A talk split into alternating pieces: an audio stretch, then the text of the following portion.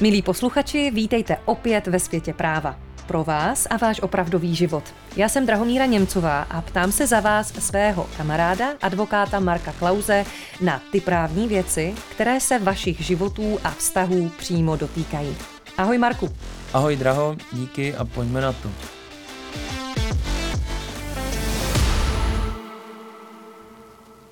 Slíbili jsme posluchačům, že dnes budeme pokračovat v tématu oddlužení eh, z trošku jiného, více praktického úhlu pohledu. Budou to ty nejdůležitější otázky, kteří zájemci tobě kladou, když přichází do mluvice o tom, jestli oddlužení dává smysl nebo ne. Takže to nebude suchá teorie, ale budou to konkrétní příklady a konkrétní otázky.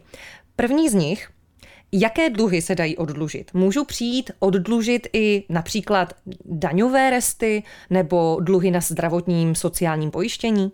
V rámci toho odlužení u těch, eh, u těch fyzických osob odlužujeme veškeré dluhy, to znamená, pokud jsem podnikatel nebo i nepodnikatel, mám dluhy na zdravotním, nebo mám dluh na sociálním pojištěním, nebo dlužím jakékoliv částky na daních, eh, daň z přidané hodnoty, lidově řečeno DPH, daň z příjmu a tak dále, tak veškeré tyto dluhy odlužujeme. Jsou ale dluhy, které výjimuty z odlužení jsou a to jsou veškeré pokuty a potom to jsou náhrady škody a to jak vlastně z civilních, tak i trestních řízení. Příklad eh, je mi udělena pokuta městskou policií, tak taková pokuta se neodlužuje. Nebo spáchal jsem trestný čin, byla mi uložena za to pokuta, nebo jiný majetkový, eh, jiná majetková sankce, takové sankce se neodlužují. Nebo v trestním řízení jsem někoho, eh, jsem byl odsouzen, abych nahradil škodu za to, že jsem někoho zbil, tak pojišťovna po mně nárokuje vlastně náhradu škody, tak taková škoda se neodlužuje. Ale jinak všechno jde do odlužení. Super za upřesnění. Eh, co když jsem v manželství? Česká republika je docela takovou zemí vlastníků. Tak co když mám dům, Můžu, mám se bát, že přijdu v oddlužení o svůj vlastní domov, o střechu nad hlavou?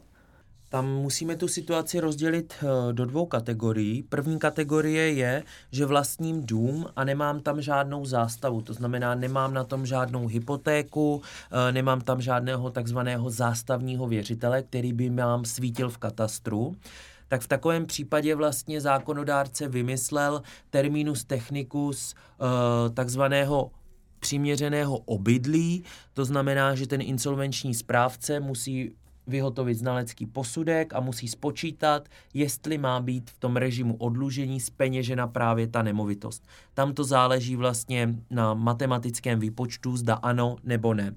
Pokud nám to vyjde, že má být speněženo, tak samozřejmě nemovitost speněžena nebude.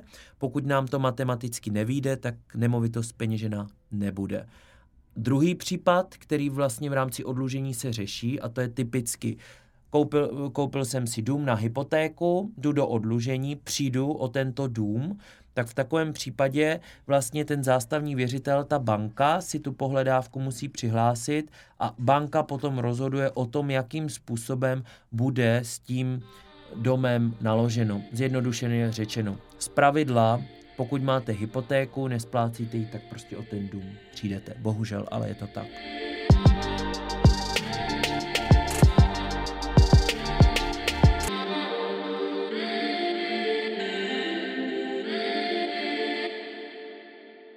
Tady k tomu jenom malá poznámka. Eh, ty si říkal, že pokud teda nebude převyšovat hodnotu, a mluvíme tedy o té situaci, že jsem opravdu vlastník bez toho, aniž by tam byly jakékoliv zástavy, eh, tak, eh, tak si ho nechám. Když bude převyšovat hodnotu, tak se prodá. Znamená to ale, že v tuto chvíli bych si ještě mohla říct, to se mi nelíbí, tak jdu zpět a úplně podám jakoby zpět vzetí toho oddlužení, toho návrhu. Je to možné, nebo už je to ve fázi, kdy už prostě tenhle ten proces jede a musí se dokončit? Tam samozřejmě záleží, záleží v jaké je to té procesní fázi. V té chvíli může vlastně soud určit, že to zpětvzetí vlastně není účinné. Za situace, kdy už je rozhodnuto o tom úpadku a o tom, že je povoleno odlužení z peněžen, z peněžen a bude z peněžen majetek, tak samozřejmě tam už se to dojede. Tam záleží na tom, v jaké fázi prostě to procesně bude. To potom s klienty samozřejmě řeším a vždycky se jim snažím co nejlépe doporučit. Takže je možné, pokud opravdu vím všechny dluhy, respektive mám představu o výši těch dluhů, tak je možná lepší na začátku si i tohleto vyhodnotit a počítat s tím, že pokud ty dluhy jsou tak vysoké, takže i s tímhle musí mít do toho odlužení, že bohužel se může stát, že teda o tu střechu nad hlavou přijdu. Přesně tak, pokud to tam splní vlastně uh, ten uh, koeficient, který zákonodárce vymyslel, tak ta nemovitost, to chráněné bydlení prostě chráněno nebude a bude speněženo, pokud to bude významným příjmem uh, pro toho insolvenčního správce v rámci toho odlužení. Pokud mám nabit už exekuci, eh, exekutor se bude snažit eh, ten byt speněžit dražbou eh, a já až potom podám návrh na oddlužení. Jak se potom mezi sebou exekuce a ten proces oddlužení v úvozovkách vyrovnají? Zastavuje to exekuci? Tak, eh, ty si řekla dvě, dvě podstatné věci. Je rozdíl, jestli běží exekuční řízení a běží uh, nějaká, nějaká informace o tom, že bude ten byt dražen, tak já doporučuji vždycky klientům, pojďte ten insolvenční návrh podat co nejdřív, aby vám ten byt nebyl vydražen a aby ten byt byl prodán až poté v insolvenčním řízení. Z největší pravděpodobností prodán bude, ale ten, to podání toho insolvenčního návrhu nám vlastně přeruší tu exekuci, takže ten prodej neuskuteční exekutor, ale insolvenční správce. A e, v podstatě je to pro toho klienta zpravidla výhodnější, protože co si budem, e, exekutoři si účtují nemalé poplatky za speněžení toho bytu a z mých zkušeností vlastně praktických, pokud je ten byt speněžen v rámci insolvence, tak tam odpadají doznačné náklady na toho exekutora, ale tím neříkám, že to speněžení je potom zadarmo. Tam samozřejmě jsou také vysoké náklady na to speněžení. A druhá varianta je, eh, že tedy eh, byt je speněžen a následně exekutor má nějaký výnos, tak pokud se to stihne a podá se ten insolvenční návrh, tak potom ten výtěžek z toho speněžení vlastně jde taktéž do té insolvence. Ale za mě prakticky, pokud vám hrozí dražba bytu, urychleně do insolvence a potom se to řeší vlastně prodejem v rámci toho insolvenčního řízení.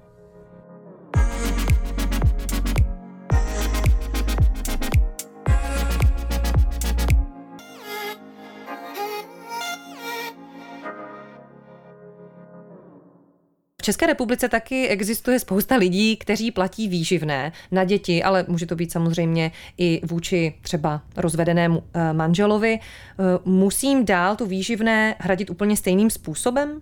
Tam v podstatě to funguje v praxi tak, že pokud vy máte nějaké výživné, které je ať už rozsudkem soudu nebo dohodou, eh, platit tomu, zpravidla jsou to ty děti, tak tam samozřejmě to výživné platíte dál, eh, ale v praxi to funguje tak, že to výživné vlastně potom platí už ten insolvenční správce za toho dlužníka v rámci té jeho srážky, která je k němu k němu vlastně posílána.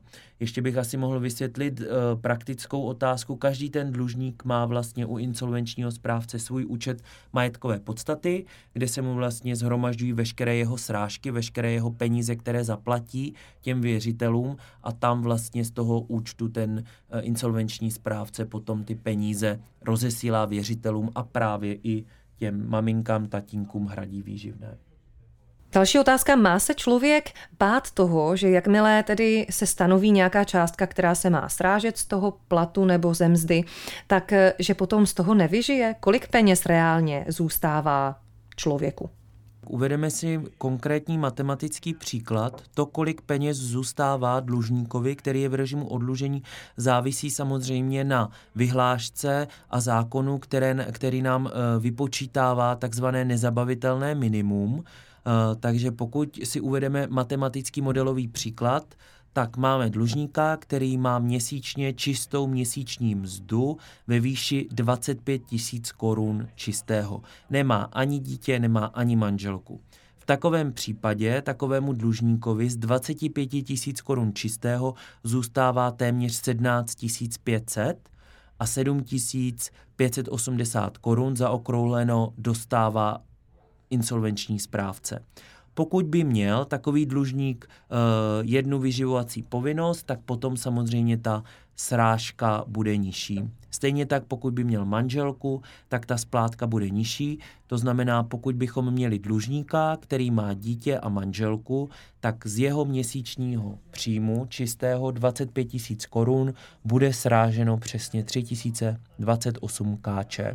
Tu přesnou výši vlastně té splátky vždy určuje insolvenční správce, respektive účetní, která prostřednictvím zákona provádí tu srážku. Takže tu si může i dlužník spočítat a tu kalkulačku potom dáme na odkaz na naše sociální sítě, aby věděli dlužníci, kolik jim zůstane.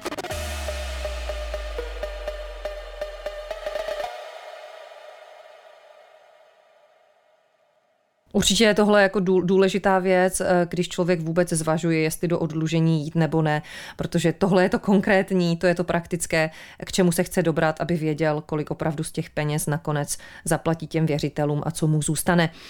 Eh, ze tvojí zkušenosti, protože tohle to děláš docela dlouho, eh, Máš přehled o tom, kolik těch dlužníků opravdu dojde do konce a splní v úvozovkách ty podmínky odlužení a může to ten člověk nějakým způsobem vzdát v úvozovkách? Existuje taková varianta, že to odlužení se nějak jakoby zastaví z nějakého důvodu? Ty statistiky přesný já neznám, ale myslím si, že 60 až 80 dlužníků dojde až do toho zdárného konce. Ono je to samozřejmě dlouhá doba, pět let, eh, ale prostě dojdou do toho odlužení a uh, jsou následně osvobozeni. Někdy se stane, že ti lidé onemocní, přijdou o práci a tak dále, takže tam se nám může stát, že ten dlužník opravdu nedojde do finále a není následně osvobozen, ale zákon vlastně umožňuje po novele z roku 2019 až na rok, přerušit to odlužení, takže to jsem taky aplikoval v praxi během covidu, kdy dlužníci prostě přišli o práci, neměli na splátky, takže ten zákon nám tady tohle to umožňoval. Ale jako většina těch lidí, troufám si říct, že úspěšně do toho konce dojde, protože následně následuje po skončení odlužení takzvané osvobození neboli dobrozdání, kdy veškeré pohledávky, dluhy, které dlužník nezaplatil v rámci toho odlužení, tak mu jsou odpuštěny. A to je věc, pro kterou si myslím, že stojí za to k tomu dojít. Co když ale něco zdědím v průběhu procesu odlužení? No, bacha na to, když, když něco zdědíte, tak veškeré, veškeré pozůstalosti, které vy máte, ty aktiva, náležejí jako takzvaný mimořádný příjem do toho odlužení. Takže už se mi stalo, že jsem měl klienta, který měl 10 milionů dluhů, zdědil majetek v hodnotě nějakých 30-40 milionů a vlastně veškeré to dědictví, ta pozůstalost šla do toho odlužení a došlo k uspokojení těch věřitelů ze 100%, ale to byl takzvaně zázrak. To se mi víckrát už neopakovalo.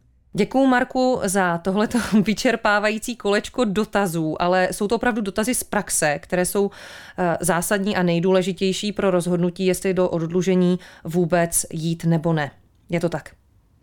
Je to tak, přesně tak. Je dobrý si určitě zajít na konzultaci předtím, než do toho odlužení uh, zajdete, jestli to je prostě pro vás vhodné nebo není. Já osobně říkám, pokud prostě máte vysoké splátky, nezvládáte to splácet, exekuce, vystupte z šedé ekonomiky, odlužte se, protože vy máte světlo na konci tunelu.